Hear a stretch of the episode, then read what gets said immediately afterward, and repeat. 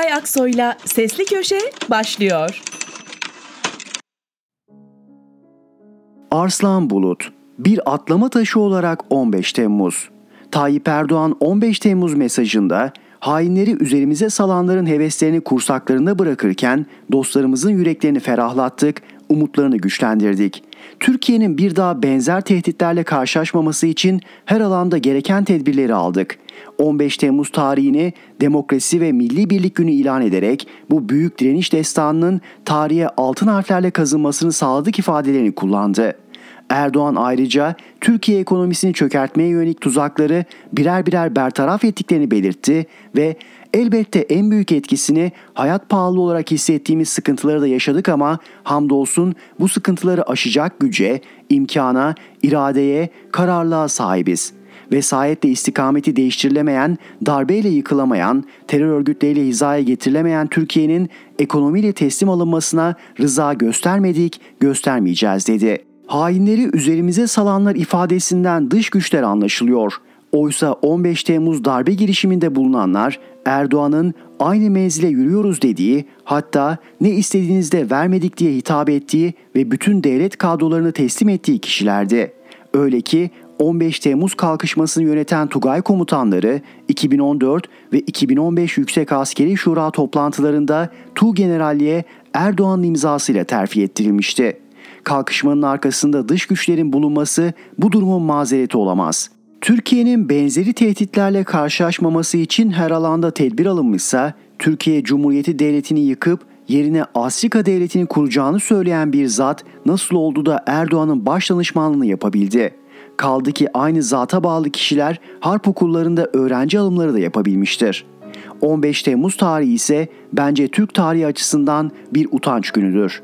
Bir devletin genelkurmay başkanlığının basıldığı, genelkurmay başkanının elleri ve kollarının bağlandığı, komutanların yerlerde sürüklendiği, verilen emri yerine getiren ve darbe girişiminde kullanıldığını bilmeyen askerlerin alenen boğazlandığı bir gün nasıl demokrasi ve milli birlik günü olabilir?'' Türkiye'nin ekonomisini çökertmeye yönelik tuzakların hangisi bertaraf edilmiştir? Elbette borsadan çekilerek operasyon yapan dış güçler vardır. Yalnız Türkiye gibi güçlü bir ülkenin ekonomisi bu tuzaklarla değil vergi gelirlerinin yüksek ihale bedelleri ve komisyonlarla ele geçirilip yurt dışına kaçırılması yüzünden sarsılmıştır. Yine Türkiye'nin imkanları yardım adı altında başka ülkelere akıtılmakta, bu yetmezmiş gibi 10 milyona yakın yabancının önemli bir kısmının masrafları devlet tarafından karşılanmaktadır. Türkiye'nin ekonomiyle teslim alınması bugünün gerçeğidir. Yalnız bu işte de yabancıların rolünden önce iktidarın sorumluluğu vardır. Teslim alan iktidardır, başkaları değil. Türkiye sadece yolsuzlukla değil, enflasyon politikası uygulanarak göz göre göre soyulmaktadır. Eski dönemde maalesef Türk parası çok değerliydi. 1 dolar 1.20 seviyelerindeydi sözleri ne anlama geliyor? Biz bir yol ayrımına gittik. Enflasyonla birlikte büyümeyi tercih ettik. Yoksa enflasyonu düşürmek için çok sert tedbirler alabilirdik. Bu sistemden dar gelirler hariç üretici firmalar, ihracatçılar kar ediyor. Çarklar dönüyor diyen kimdir? Erdoğan vesayetle istikameti değiştirilemeyen Türkiye'den bahsediyor. Sahi Türkiye'nin istikameti kalmış mıdır? Vesayetçi olarak suçlanan askerler Ergenekon ve balyozla dağıtılmasaydı, bu suretle 15 Temmuz'u yapacak olanlara zemin hazırlanmasaydı böyle bir kalkışmaya kim cüret edebilirdi? Ayrıca askerleri bastırıp çözüm sürecinde terörle mücadeleyi durduran kimdir? Kısacası 15 Temmuz Türkiye'nin istikametinin yani rejiminin değiştirilmesi için Allah'ın lütfu olarak görülen bir atlama taşıdır ama o taş sulara gömülmektedir. Çünkü o taş yerli taş değildir sürüklenerek geldiği için zemini kaygandır. Arslan Bulut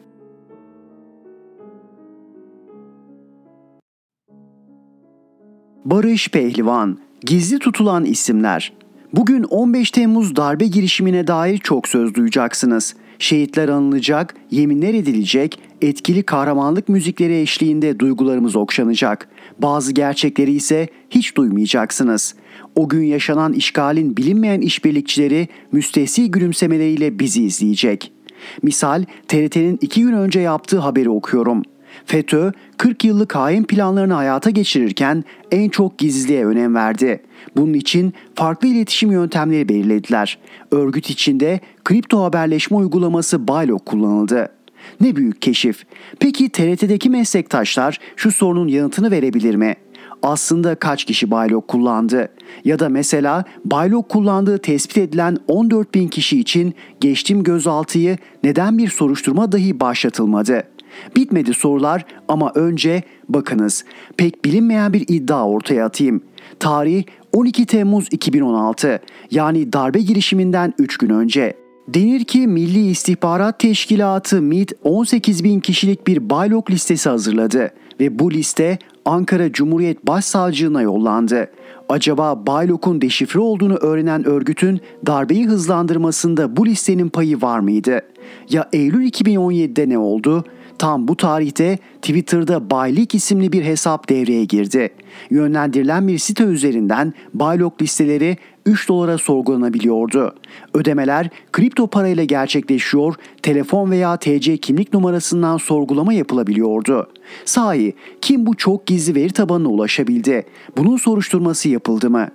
Ya Ayasofya'nın önceki başimamının yeğeni ve AKP'nin şu anki Londra temsilcisi Abdurrahim Boynukalı'nın ismi o Twitter hesabında Baylok kullanıcısı olarak neden yayımlandı?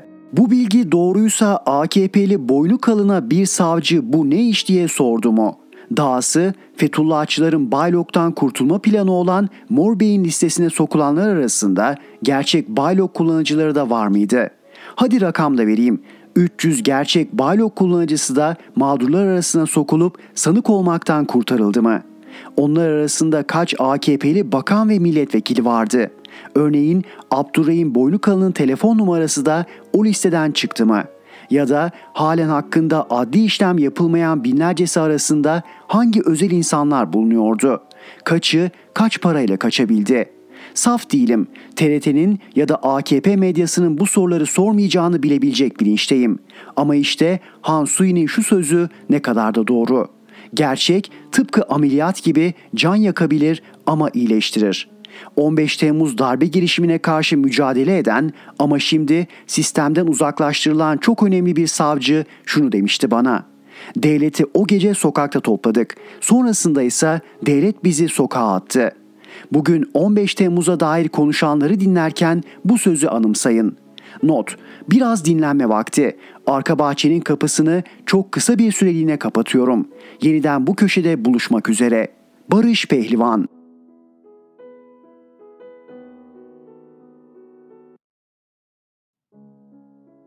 Fatih Altaylı kalktı mı? 2015 yılını hatırlıyor musunuz? Ya da 2015 yılının en önemli gündem maddelerinden birini Türkiye'nin karma karışık ve yoğun gündeminden dolayı net olarak hatırlamıyor olabilirsiniz. En iyisi ben hatırlatayım. 2015 yılı boyunca hep birlikte Avrupa Birliği ülkelerinin Türkiye'ye uyguladıkları vizeleri kaldıracaklarından bahsediyorduk. Ahmet Davutoğlu başbakandı ve her kürsüye çıkışında AB ile vizeler kalkacak, Schengen bölgesine vatandaşlarımız vizesiz seyahat edecek diyordu. Aralık 2015'te tarihte vermişti. Mart'a kadar biz bazı taahhütler verecek, yasal değişiklikleri tamamlayacaktık. Biz üzerimize düşeni tamamlayınca durum AB raporuna girecekti. Haziran 2016'da pilot uygulama başlayacaktı. Yıl sonunda da vizeler tamamen kalkacaktı. Türkiye'den istenense geri kabul anlaşmasını imzalaması ve uygulamasıydı. Yani Türkiye sınırlarını kontrol altına alacak, başta Suriyeliler olmak üzere göçmenlerin Avrupa'ya geçişini engelleyecek, geçenleri de geri alacaktı. Bense bunun söz konusu olmadığını, Türkiye'nin bir kez daha kandırılmak üzere olduğunu, Suriyeli göçmenlerin geri kabul anlaşmasının yapıldıktan sonra Türkiye'ye vizeleri asla kaldırmayacaklarını iddia ediyordum. Hatta Habertürk'te bir AB diplomatının notlarını ele geçirip yayınlamış ve o muafiyetin asla olmayacağını göstermiştik. Ama AK Parti iktidarı geri kabul anlaşmasını imzaladı. Avrupa'ya bir kez daha istediğini verdi ama bunun karşılığında alacağını iddia ettiği Türk vatandaşlarının AB ülkelerine vizesiz seyahat hakkını üzerinden 7 yıl geçtiği halde hala alamadı. Dahası ise 3 gün önce gerçekleşti. AB ülkeleri ülkelerinden hava yoluyla transit geçen Türklerden vize istemezlerdi. Çünkü sadece havalimanında transit salonunda bekleyip ülke içine giriş yapmadıkları için Türklerin kendi topraklarında sadece havalimanının gümrüksüz bölümünü kullanarak bir başka ülkeye gitmek için vizeye ihtiyaçları yoktu. Ama bu da sona erdi. Biz vizeleri kaldırmalarını beklerken onlar olmayan yeni bir vizeyi daha koydular. Fransa ve İspanya artık ülkelerinden transit geçecek vatandaşlarımızdan bile vize isteyecekler. Birkaç ay içinde uygulama diğer AB ülkelerine de yayılacak. İktidarımız bir kez daha kandırıldı. İktidarımız bir kez daha onların istediğini yaptı ama karşılığını alamadı. Tam aksine bir de olmayan vize geldi. Ve siz zannediyorsunuz ki Batı Türkiye'deki iktidardan rahatsız. Güldürmeyin beni. Diplomatik zafer. Yukarıdaki yazıyı okudunuz. Şimdi buyurun bunu da okuyalım birlikte. İri iri laflar ettikten, bayağı üst perdeden esip gürledikten sonra Finlandiya ve İsveç'in NATO üyeliklerini veto falan etmeden yollarını açtık. NATO toplantısından iki gün sonra İsveç'in başkentinde bir PKK gösterisi yapıldı. Binalara Öcalan fotoğrafları yansıtıldı. Finlandiya Cumhurbaşkanı ise Türkiye'ye bir söz vermedik dedi. İsveç'te de yargımız ne derse onu yaparız. Siyasi bir kararla kimseyi iade etmeyiz denildi. Bu durum iktidar yanlısı medya ve iktidar sözcüleri tarafından hurra F-16'lar geliyor. Biden F-16'lar için söz verdi.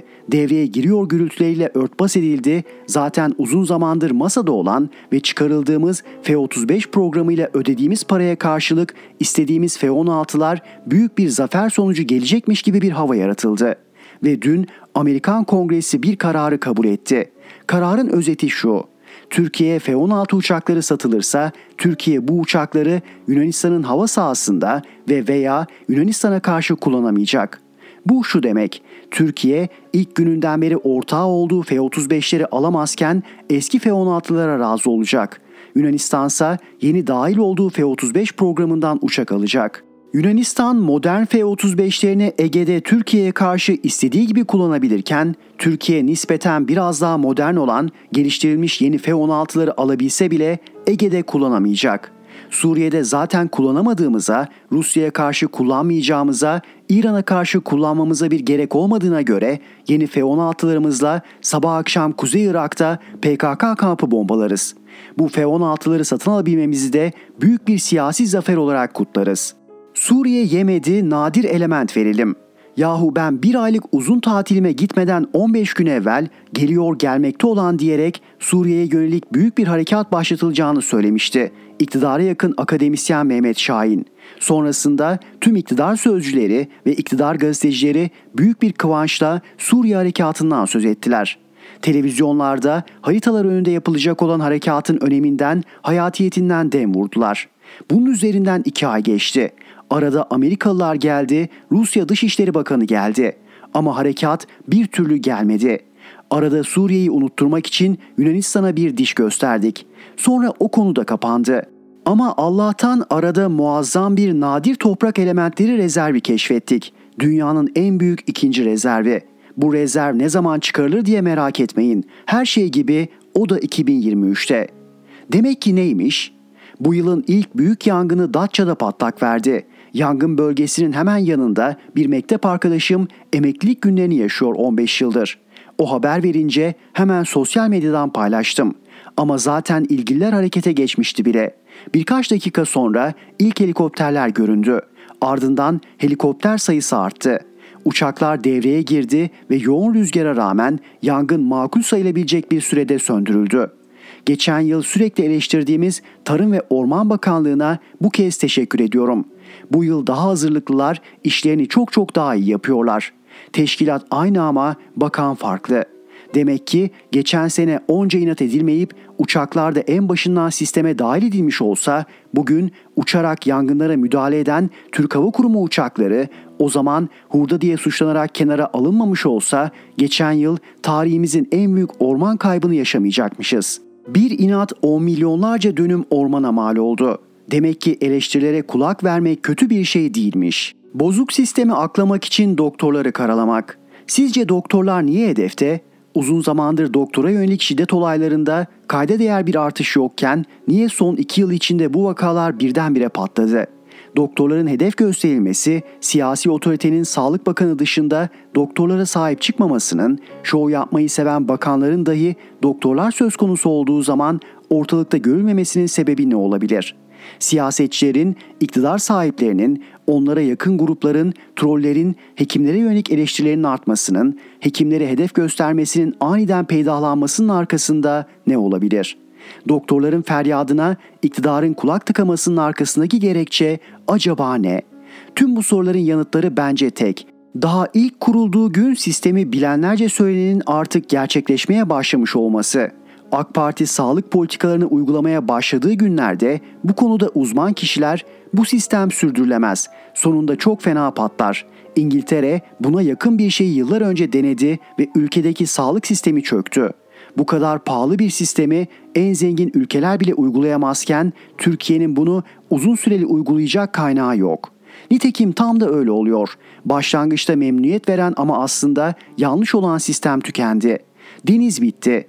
Üzerine bir de ülke ekonomisinin toptan kötü yönetilmesinden kaynaklanan kur artışları ve hazinenin SOS vermesi eklenince sağlık sisteminin üzerine bir de beleşçi 6 milyon göçmen oturunca sistem çöktü. Ancak bu çöküşe bir sorumlu bulmak gerekiyordu. İyi olan her şeyin sahibi, kötü olan ya da kötüye giden her şeyi ise başkalarına bağlayan AK Parti iktidarı burada da bir suçlu bulmalı, çöküşü birinin üzerine yıkmalıydı. Nasıl ki ekonominin kötüye gitmesinin sorumlusu bazen gezi olayları, bazen darbe girişimi ise nasıl ki pek çok sorunda CHP müsebbipse sağlık sisteminde de bir suçlu, bir sorumlu bulunmalı, vatandaşla iktidar değil o sözde sorumlu karşı karşıya getirilmeliydi. Burada da sorumlu bulunuverdi. Önce ilaç şirketleri hedef oldu. Sonra sağlık malzemesi tedarikçileri. Ama onlar elle tutulur, gözle görülür, sistemden memnuniyetsiz vatandaşın hedef alabileceği somut varlıklar değildi. Bunun üzerine kanlı canlı bir hedef bulundu. Doktorlar. Doktorlar kötüydü, paracıydı. Zaten aç gözlüydüler. Parası olmayana bakmıyorlardı. Yurt dışına kaçıp çok para kazanmak istiyorlardı. Böylelikle sağlık sistemindeki çöküş gözden kaçırıldı. Mesele bir sistem sorunu değilmiş gibi gösterilip konu hekim sorununa indirgendi. Siz zannediyorsunuz ki iktidar doktorlara yönelik şiddetten rahatsız. Tam aksine kendilerinden başka bir sorumlu buldukları için bence mutlular. İlerleyen yıllarda hastalananlara da artık AK Parti teşkilatlarındakiler bakar. Çok bulaşıcı bir varyant. Artık biliyoruz ki Covid salgınında yeni bir dönemdeyiz ve olay saklanamayacak kadar büyük. Haziran ayının başında Avrupa ülkelerinin her birinde 200 bine doğru çıkan günlük vaka sayılarını verdim ve Türkiye'de bu sayılara ulaşılmamış olmasının vaka azlığından değil istatistik tutulmamasından kaynaklandığını yazdım. Ancak muhtemelen siz de hastalığın çok yaygın olduğunu, çevrenizi ne kadar sardığına bakarak anlayabilirsiniz. Çok hızla mutasyona uğrayan koronavirüsün bu sefer etkili olan türü Omikron'un bir alt varyantı. Bu varyant BA275. Özelliği ise aşılardan kaçabilmesi ve daha önce geçirilen Covid'in oluşturduğu antikorlara kafa tutabilmesi. Bir önceki varyant olan BA5'ten daha ağır bir hastalığa sebep olup olmadıysa henüz belli değil. Ancak şimdiye kadarki en kolay bulaşan varyant olduğu belli. Bu yeni varyantın Hindistan'da ortaya çıktığı, başta Amerika olmak üzere pek çok ülkede yaygın virüs haline geldiği biliniyor. Mayo Clinic'in yürüttüğü bir çalışma sonrası bu yeni türün vakalarda eksponansiyel bir artışa sebep olacağı öngörülüyor. Bence Sağlık Bakanlığı hızlı bir biçimde en azından kapalı alanlarda ve toplu taşımalarda tedbirleri yeniden artırmalı, maske zorunluluğu yeniden getirilmeli. Büyük marketlerde tedbirler yeniden artırılmalı. Bakanlık bu tedbirleri almasa bile siz maskeleri yeniden takın. Aşı konusunda ise çok umutlu değilim. Bu varyant karşısında aşının işe yaradığını gösteren bir delil yok. Fıkra Habertürk TV'de katıldığı programda 15 Temmuz'da alçaktan uçan F-16'ları 11. kata çıkarak kafa atarak durdurmaya çalışan vatanseverlerin şehit olduğunu iddia eden Profesör Masar Bağlı Esenler Belediyesi Bilim Kurulu Başkanıdır. Fıkra bu kadar. Ne zaman insan oluruz? Kandırılmak marifet olmadığı zaman. Fatih Altaylı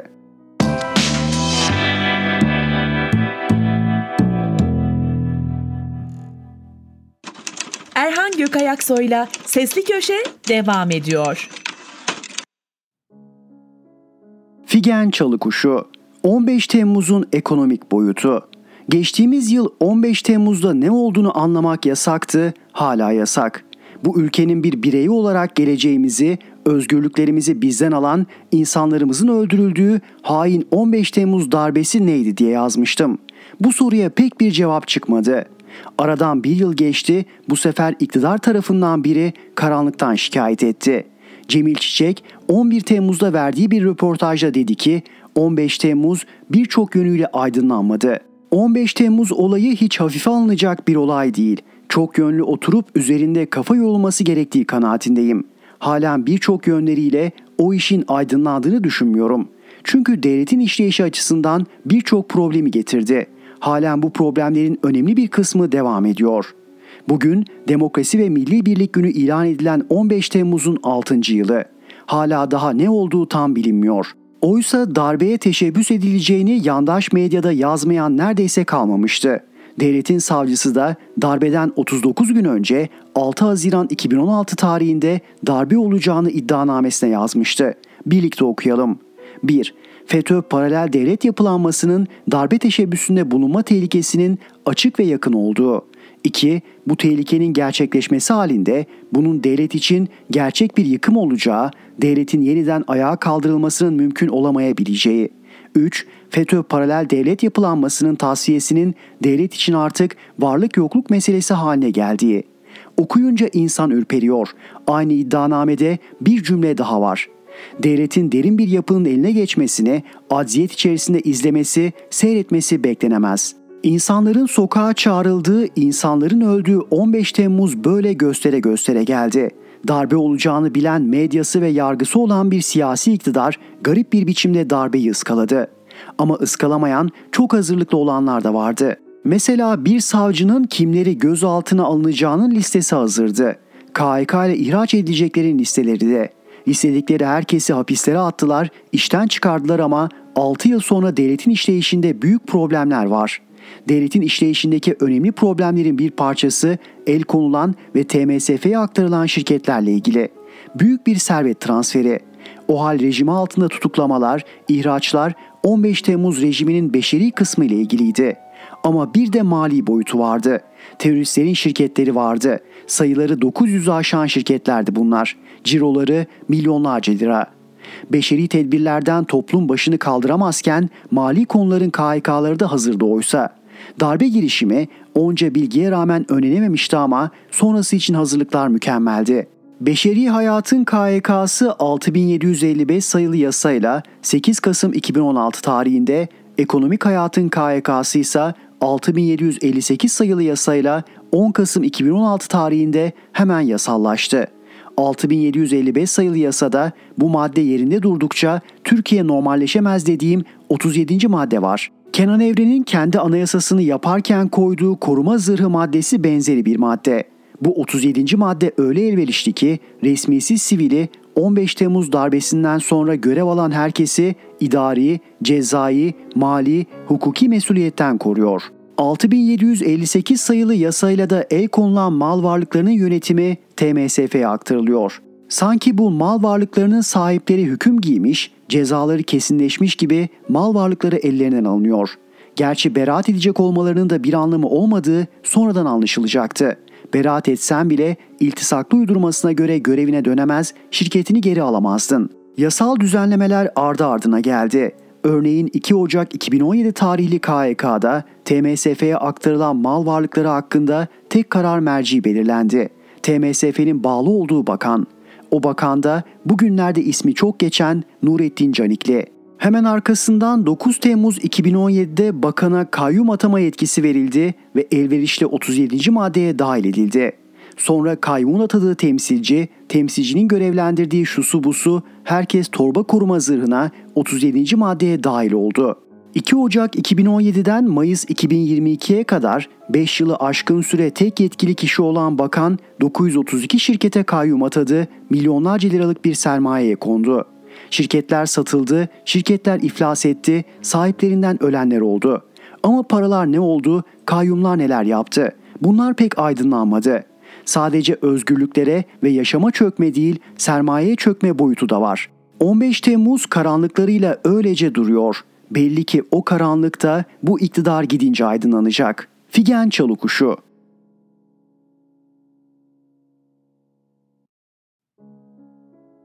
Mehmet Ali Güller, kayıt dışı din aldatmacası.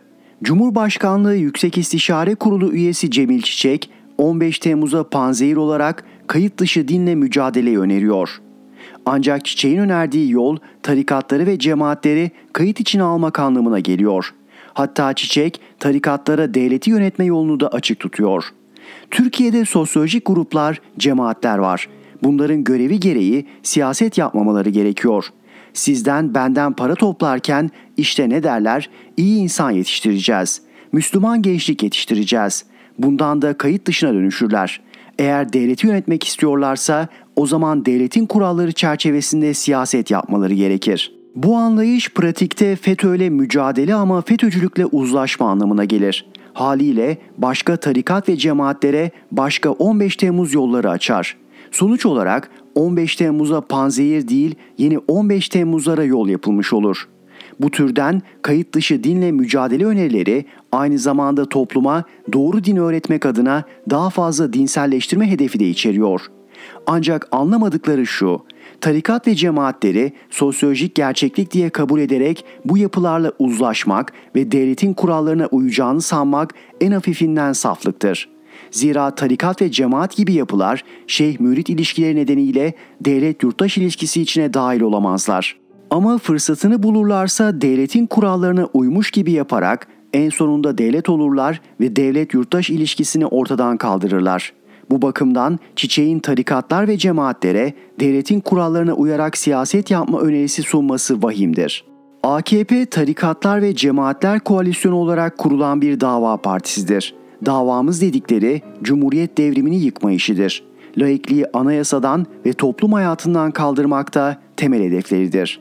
Bu konuda en açık sözlü olan kişi AKP'li Türkiye Büyük Millet Meclisi Başkanı İsmail Kahraman'dı ve laiklik yeni anayasada olmamalı demişti. Buna henüz erkendi. AKP henüz laikliği anayasadan çıkaracak kadar toplum üzerinde egemen olmamıştı. Devreye AKP'li Başbakan Ahmet Davutoğlu girdi, yeni anayasada özgürlükçü laiklik olacak dedi. Anlamı şuydu, Mustafa Fazıl Paşa'nın birinci meşrutiyette, Mustafa Kemal Atatürk'ün Cumhuriyette yaptığı din ve dünya işlerinin ayrılması şeklindeki laiklik tanımı önce din ve devlet işlerinin ayrılması diyerek sulandırılmış, oradan da en sonunda özgürlükçü laiklik adı altında tarikat ve cemaatlere özgürlüğe dönüşmüştü. Açıkça belirtelim tarikat ve cemaatleri sosyolojik gerçeklik olarak kabul eden ve onlarla uzlaşan her anlayış kendi yıkımına yol açmaktadır. Tersine devrimcilik bu tür kurumları sosyolojik gerçeklik diye kabul etmeyerek kaldırma işidir. Mustafa Kemal'in yaptığı odur. Bir de tarikatlar ve cemaatler olsun ama siyasete karışmasınlar görüşü var ki eşyanın tabiatına aykırıdır. Tarikatlar ve cemaatler toplumu ve haliyle devleti kumanda etme eğilimindedirler. Varlık sebepleri gereği. Nitekim buna işaret ederek aslında tersinden en güzel layıklık tarifini yapan da AKP'nin Diyanet İşleri Başkanı Ali Erbaş'tır. İnanç insanla Allah arasında olsun, ticarete, siyasete, yargıya yansımasın diye ortalığı ayağa kaldırıyorlar diyerek laiklere hedef almıştı. İşte yalın gerçek budur.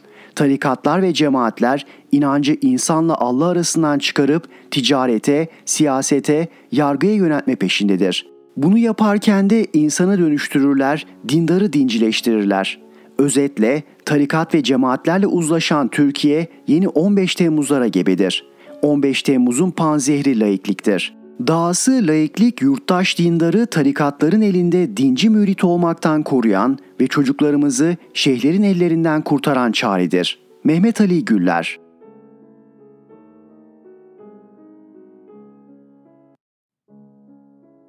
Mia Seiknur, Biden Erdoğan'ın izinde. Yandaş medya bir konuda haklı çıktı. O da Erdoğan'ın dünya lideri olduğuna ilişkin iddiası. Baksana, aleme nizam veren ABD Başkanı Biden bile onu taklit ediyor. Hem de her alanda.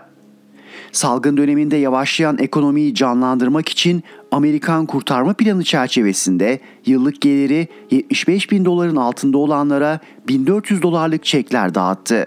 Yetmedi altyapı yatırımlarına 1 trilyon dolar gömdü. Bunları karşılamak için banknot matbaası ha babam de babam dolar bastı. Sonuç enflasyon bom. Biden yüksek enflasyonun geniş para politikasından kaynaklı olmadığını, tedarik zincirindeki sıkıntılar sebebiyle olduğunu savundu. Bak burada da Erdoğan'ı taklit etmiş gördünüz mü? Biden dış politikada Erdoğan'ın izinden gidiyor. Göreve geldiğinde Erdoğan'ın komşularla sıfır sorun vaadine benzer şekilde ABD dış politikasında insan hakları değerlerinin ön plana çıkarılacağını ve bitmek bilmeyen savaşlara diplomasi yoluyla son vermeyi vaat etmişti. Oysa o geldiğinde dünyada kriz bölgeleri olmasına karşın hali hazırda süren bir savaş yoktu. Ne yaptı etti? Ukrayna'da savaş çıkarmayı başardı. Güya Orta Doğu'da insan haklarını ön plana çıkarma politikası izleyecekti. Biden yönetimi için Suudi Arabistan'la ilişkilerinde Yemen kriziyle Kaşıkçı cinayeti ve toplumsal muhalefet gruplarının hapse atılması en önemli sorundu. Göreve başlar başlamaz Yemen'de askeri saldırılara desteğini keserek BM gözetiminde savaşa diplomatik bir çözüm bulmak amacıyla özel temsilci bile atadı. Sonra ne oldu? Biden koştura koştura Yemen'deki katliamdan ve Kaşıkçı cinayetinden sorumlu tuttuğu Prens Selman'ın ayağına gitti.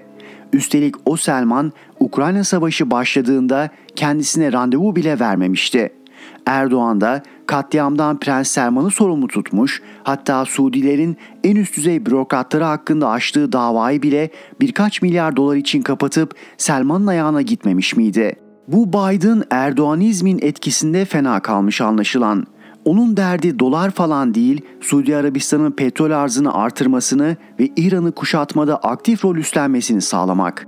E hani İran'la nükleer anlaşma masasını yeniden kuracaktı? ABD ordusunun yeni nükleer denizaltısı için düzenlenen törende Biden yaptığı konuşmada eşinin ailesindeki ordu mensuplarından bahsettikten sonra şöyle devam etti. Başkan yardımcısı iken Michelle Obama ile başlattığı ve şu anda devam ettiği Joining Forces girişimiyle First Lady olarak yaptığı işten çok gurur duyuyorum. Oysa başkan yardımcısı olan eşi değil kendisiydi. ABD'nin en yaşlı başkanı unvanına sahip Biden, geçen ay ABD Başkan Yardımcısı Kamala Harris'ten First Lady diye bahsetmişti. ABD Başkanı daha önce de Harris hakkında konuşurken birkaç kez başkan yardımcısı yerine başkan demişti.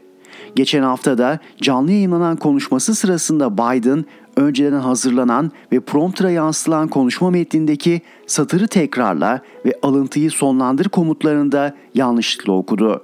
Geldi Trump'ın seçim öncesinde Biden hakkında bunak demesine hak verme. E keser döner sap döner. Soğuk Savaş döneminde ABD'lilerin uydurduğu fıkra şimdi kendileri için geçerli. Efendim, güya SSCB Başkanı Brejnev ABD'yi ziyaret etmiş. Başkan Nixon tarafından pek güzel ağırlanmış. Ziyafetler verilmiş. Kabare şova bile götürülmüş. Brejnev özellikle bu kabare şovdan çok etkilenmiş ve yanındaki heyete Moskova'ya dönünce biz de böyle bir kulüp açalım diye talimat vermiş. SSCB'ye döndüklerinde emri alan heyetteki görevliler hemen mekan ayarlayıp kulübü açmışlar.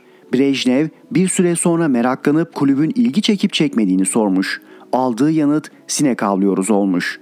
İç mimarisinde mi sorun var? Hayır efendim, ülkemizin en iyi mimarları çalıştı. Yemekler mi kötü yoksa? Moskova'nın en iyi aşçıları görev yapıyor. Revü kızları mı kötü? Mümkün değil yoldaş Brejnev. Hepsi de 1917'den beri partimizin üyeleri. Biden'ın hali de Rus revü kızlarından farklı değil. Mia Seiknur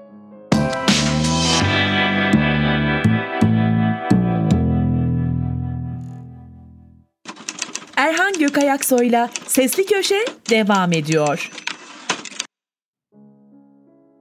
Ozan Gündoğdu Enflasyon neden düşmeyecek? Gündelik hayat akıp giderken enflasyondan geriye halkın alım gücündeki erime kalır. Tasarrufu bulunmayan ücretli kesimler artan enflasyon karşısında gelirleri sabit kaldığı için tüketimlerini kısmak zorundadır. Geleceğe ilişkin planlar yapamaz, kaderlerine razı olurlar. Peki ya tasarrufu olanlar? Enflasyon dönemlerinde tasarruflar artan fiyatlar karşısında suyun üzerinde kalabilmek için bir can simidi işlevi görür. Kimi bu tasarruflarla altın döviz alarak yüzmeye çalışır. Kiminin daha yüksek tasarrufu vardır, bir fon yöneticisi ya da bir yatırım danışmanına güvenir. Parasını profesyonellere emanet eder. Bankaların özel bankacılık hizmetleri de yüksek miktarda mevduatı bulunanlara bu hizmeti verir. Böylece tasarrufu olmayan ücretli kesimler suyun dibine batarken tasarrufu olanlar yüzmeye çalışır. Tasarrufunuz ne kadar yüksekse can simidiniz o kadar destek olur yüzmenize. Bu nedenle enflasyon ücretli kesimlerin canına kas etmekten farksızdır. Bu esnada ekonomik büyüme ücretli kesimler dışındaki toplumsal sınıfların hanesine yazılır. Bu vahim ekonomik hastalığın tedavisinde yaşanacak yan etkilerde tüm ekonomiyi sarsacak güçtedir. O kadar ki acaba tedaviyi ertelesek mi diyebilirsiniz. Türkiye'de enflasyon artık tedavisi ertelenmek zorunda kalan bir hastalığa dönüşmüş olabilir. Bunun nedenlerini açıkça konuşmak gerekir. 1. Enflasyon düşerken işsizlik artar. Türkiye mevcut ekonomik büyümesini enflasyona borçlu. Çünkü işletmeler için yarın üretim yapmak bugün üretmekten çok daha maliyetli. O halde gelecekteki üretimi erkene çekmek daha avantajlı. Bu durumda ortaya çıkan üretim fazlası stoklarda bekleyebilir. Stoklardaki ürünleri enflasyon nedeniyle durduğu yerde değerinin artması stok maliyetlerini telafi edecektir. Dolayısıyla enflasyon üretimi kışkırtır, büyümeyi tahrik eder. Nitekim Türkiye ekonomisi tam gaz büyümektedir. Enflasyonun düşmesi beklentisi bile büyümeyi yavaşlatır. Büyümenin yavaşlaması ise işsizliği artırır. İktidar 31 Mart 2019 seçimlerinde Türkiye Cumhuriyet Merkez Bankası'nın uyguladığı enflasyonu düşürme programıyla girdi ve bunun sonucu büyük bir seçim yenilgisi oldu. İşsizliğin %15'e dayandığı o günkü şartları deneyimleyen Tayyip Erdoğan ilk fırsatta Merkez Bankası yönetimini görevden aldı. Çünkü işsizlik enflasyona göre çok daha hızlı politikleşir. Sonuçları sandığa çok daha sert yansır. Buradan hareketle iktidar enflasyonu seçimlere kadar düşürmeyecek demek yanlış olmaz. Düşüremeyecek değil, düşürmeyecek. 2. Enflasyon düşerse şirketlerin bir kısmı batar. Enflasyonlu bir ekonomi yönetimi buzlu yolda zincirsiz bir arabayı tam gaz sürmeye benzer. Bu ortamda frene sert asılmakta kazayla sonuçlanır. İktidara geldiniz ve vaat ettiğiniz gibi Merkez Bankası'nı bağımsız bıraktınız diyelim. Bu durumda birinci hedefi enflasyonu düşürmek olan Merkez Bankası faizleri sert şekilde artırarak piyasaya pompaladığı parayı kısar. Geçmişte düşük faizle çekilen krediler bu ortamda yapılandırılamaz ya da yüksek faizle yapılandırılmak zorunda kalır. Artan finansman maliyeti altında ezilen küçük ve orta ölçekli işletmelerin bir kısmı bu ortamda borçlarıyla birlikte batar. Bu nedenle bu denli sert şekilde uygulanan gevşek para politikasını aynı sertlikte sıkılaştırmak kazaya neden olacağı için enflasyon düşürülmemelidir. Düşmemelidir değil, düşürülmemelidir. 3. Döviz kurları düşerse Türkiye batar. Herkesin gözü döviz kurlarında. CDS 900'e dayanmış durumda. Bu ortamda muhalif kamuoyu iktidarın değişmesinin ardından yüksek seyreden döviz kurlarının aşağı düşeceği beklentisi içinde. Fakat döviz kurlarının düşmesi beklendiği gibi olumlu etkiler yaratmayabilir. İhracat yapan firma sayısı döviz kurlarının yükseldiği son 7 yılda hızla artıyor. Türkiye ekonomisi bu süre içinde tam gaz dışı açılıyor. Son 7 yılı geçelim, sadece son 3 yıla bakalım. Ticaret Bakanlığı'nın verilerine göre 2019'da ihracat yapan firma sayısı 84.394. 2021'de ise bu sayı 96.158'e çıkıyor. Aynı şekilde ithalat yapan firma sayısı da artıyor. Döviz kurlarının sert şekilde düşmesi halinde bu firmaların büyük kısmı kepenk kapatır. Denebilir ki dışarıya satacağını içeriye satsın. Fakat ücretli kesimler enflasyon karşısında uzun süredir ezildiği için, orta sınıf tavsiye edildiği için ihracatçı firmaların ürettiği malı içeride talep edecek bir pazarımız yok. Bu durum döviz kurlarının düşmesi halinde bir resesyonla sonuçlanacaktır. İhracatçı firmalar batarsa batsın da denebilir. Fakat ihracatın ekonomik büyümeye katkısı yükselen döviz kurları sebebiyle yıldan yıla arttı. Yüksek miktarlı kredilerle bu işlere giren sektör düşünüldüğünde ihracatın azalması demek ihracatçı firmalardan türeyen bir borç krizini de tetikleyecektir. Bu üç madde iş dünyasının bildiği fakat halk kesimlerinin bilmediği sırlardan. Aynı anda hem enflasyonu hem de işsizliği düşüreceğini, bunu yaparken döviz kurlarını düşürüp buna rağmen ihracatı artıracağını söylemek çok iddialı. Buna karşılık muhalefetin iddiası bu. Bu iddia beraberinde çok kapsamlı ve devrimci, evet devrimci bir programı da şart koşuyor. Fakat muhalefetin üzerinde uzlaştığı bir program henüz yok. Fakat bazı ilkeler var. Bu ilkelerden yola çıkarak anladığımız o ki serbest piyasa kurallarına riayet edilecek, Merkez Bankası bağımsızlığı tesis edilecek.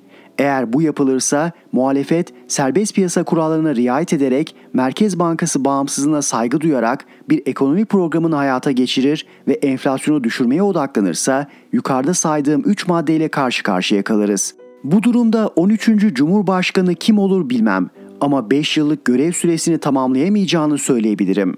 Siyasi iktidar Türkiye ekonomisini bir ulusal güvenlik krizi haline getirdi.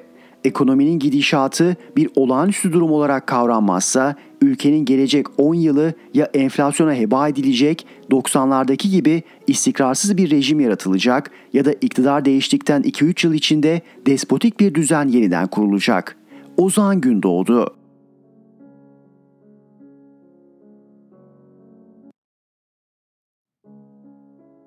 Rifat Serdaroğlu 15 Temmuz'un babası kim? Darbe girişimi aylar süren ön hazırlık sayesinde flört gibi 15 Temmuz 2016'da saat 17'de doğdu. Adını Temmuş koydular. Temmuş 6'yı tamamladı, 7 yaşına girdi. Yürümeyi, koşmayı, konuşmayı öğrendi, ilkokula başladı. Son günlerde Temmuş sürekli ağlıyor. Herkesin babası var, benim niye yok? Babam nerede? Sağ mı öldü mü? Benim babam kim? Zaten annemi de bilmiyorum. Yoksa ben piç miyim? Bayramda kimsesiz çocuklar yurdunu ziyarete gittiğimde tanıştırdılar. İnanın içim parçalandı. Dedim ki Temmuş'a, ula Temmuş sana söz veriyorum ben senin babanı bulacağım. Temmuş'un yüzüne bakınca bunun babası herhalde Karadeniz'dir dedim. Çocukta bir burun var, Çanakkale Köprüsü kısa kalır. Düştüm ha bu işin peşine. Kim var en ünlü Karadenizli? Reis var. Rize'nin has evladı. Adını üniversiteye bile vermişler fakat diplomasını bir türlü göremedik. Rahmetli anacığı sandığa saklamış. Bir türlü bulamıyor. Ama okumuş adam belli. Hele bir Kur'an okur ki ağlamadan duramazsın. Reis bu çocuğun babası olabilir mi? Dedim ama hemen vazgeçtim. Çünkü reis Temmuş'un doğduğunu eniştesinden öğrenmişti. Babası olsa bilmez mi ne zaman doğacağını? Pensilvanya hocası olabilir mi? Bence o da olamaz. Çünkü adam çok yaşlı, gitti gider. CIA takviye için mavi hap verse bile kalbi dayanmaz. Olmaz, olamaz. Seyitki aşiretinden ve Öcalan'ın hısmı Hakan'la Atatürk'e minberden hakaret edecek kadar yobaz olan Ali o gün karşılıklı tavla oynuyorlardı. Biri istihbaratçı, diğeri gayipten mesaj alır. Bunlardan biri Temmuş'un babası olsa bilmezler mi? Bunlar da olamazlar. Yoksa bilirlerdi. Huber Apo'yla Kel Fehmi'nin yatakhane arkadaşı adına Trabzon'da cami yaptıracak kadar varlıklı Kayserili Hulusi olabilir mi? Bence olmaz. Henüz yaverini tanıyamayan, yere yatırılıp ters kelepçe takılan ve boğazına postalla basılan adamdan baba olur mu? Olsa olsa iskele babası olur. BMC kamyon gibi tıs tıs diye konuşan bet sesli Hollandalı Binali olur mu? Kesin olmaz. Adam üniversitede kızlı erkekli oturan gençleri görünce kayıt yaptırmaktan vazgeçmiş. Ondan da baba olmaz. Kazara baba olsa oğlu kumarhaneden çıkmazdı zaten. Temmuş doğmadan iki buçuk ay önce başbakan olan Davutoğlu olabilir mi? Ben ihtimal vermiyorum. O yumuşak kalpidir. El-Kaide militanlarına bile onlar asabi çocuklar diyen adamdan baba olur mu? Onun döneminde Türkiye cihadın ve IŞİD'in otoyolu olmuştu. Ayrıca Orta Doğu'da ne kadar it uğursuz, katil, kafa kesici hırsız varsa hepsini o doldurmadı mı ülkemize? Hijyen kelimesini hiç duymamış, insan, hayvan, doğa sevgisinden nasip almamış, kadına saygı duymayan, çocuk tecavüzcüsü bu it sürüsünün içine insan çocuğunu bırakır mı? Olmaz olamaz. İngiliz bankerlerinin sevgilisi, Türk milletini boğazına kadar borca sokan, telekomu bile satan babacan olabilir mi? Olamaz çünkü Temmuş parayı hiç sevmez. Zaten ağlarken onu susturmak için eline para sıkıştıranlara ben para istemem, baba isterim babamı bulun der. İyi de abi o olmaz bu olmaz. Kim bu Temmuş'un babası? Kılıçdaroğlu desem hiç olmaz. Gerçi 15 Temmuz'da AKP'nin Yeni Kapı meydan mitingine katıldı ve konuşma yaptı ama Olmaz. Tipten kayıp. Tam Temmuş'a verdiğim sözü tutamayacağım derken şakkadanak Temmuş'un babasının gazete resmini görmedin mi? Aha Temmuş hık demiş adamın burnundan düşmüş.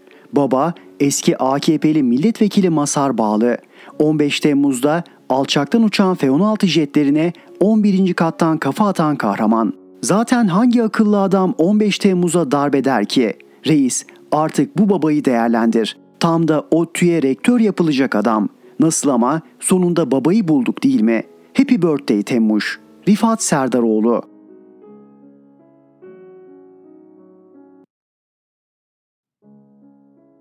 Zeynep Gürcanlı Biden'ın Orta Doğu ziyareti küresel rekabeti kızıştırdı. ABD Başkanı Joe Biden'ın Orta Doğu'ya yaptığı ziyaret küresel siyaset açısından çok ciddi etkileri olacak cinsten.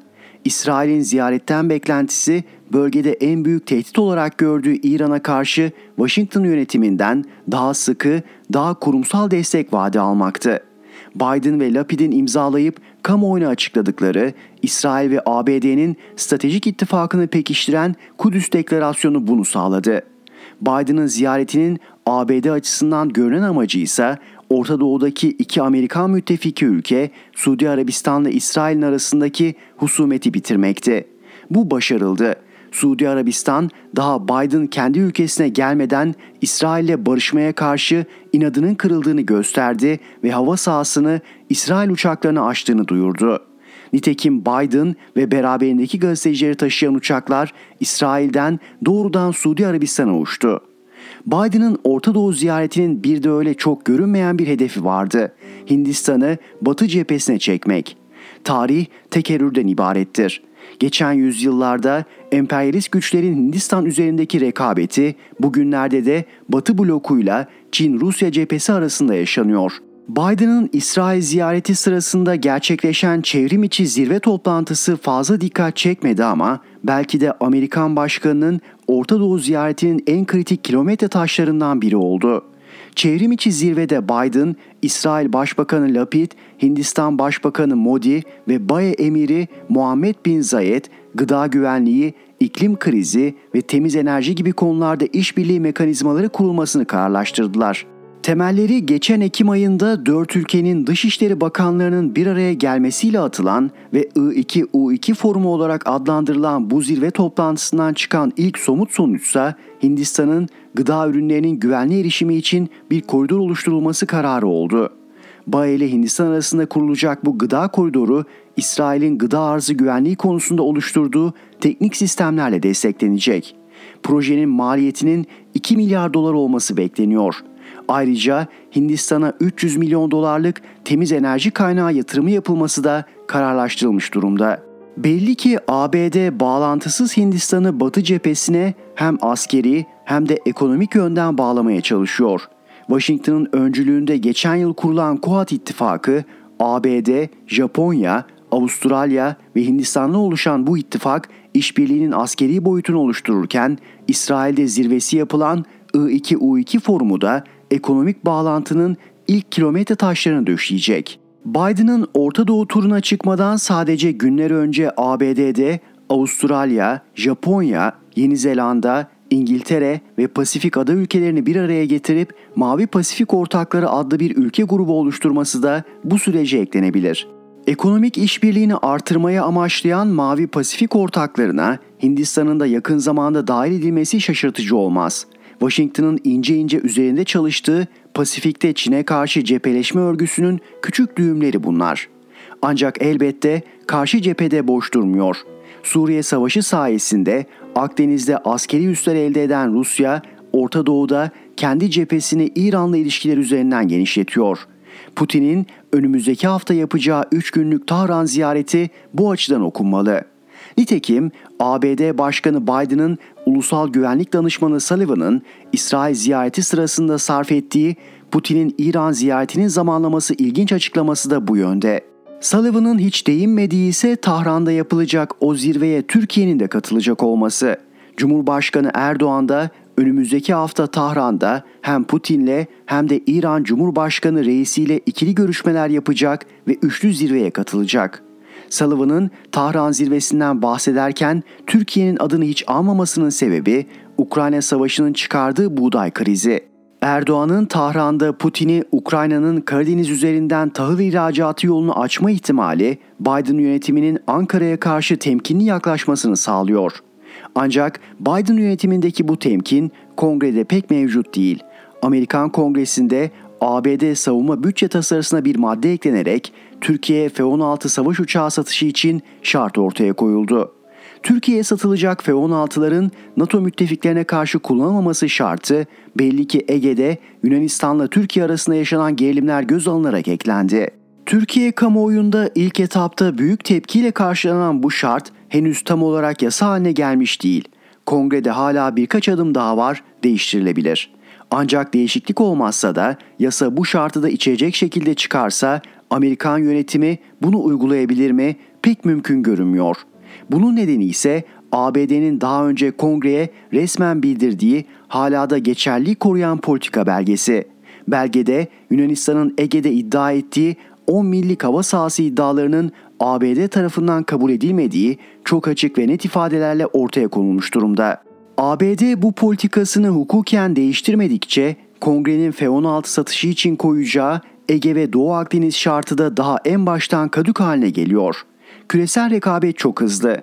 Bu hızlı ortamda yapılan dış politika yanlışlarının bedelleri de ağır olur. Çok dikkat etmek gerek. Zeynep Gürcanlı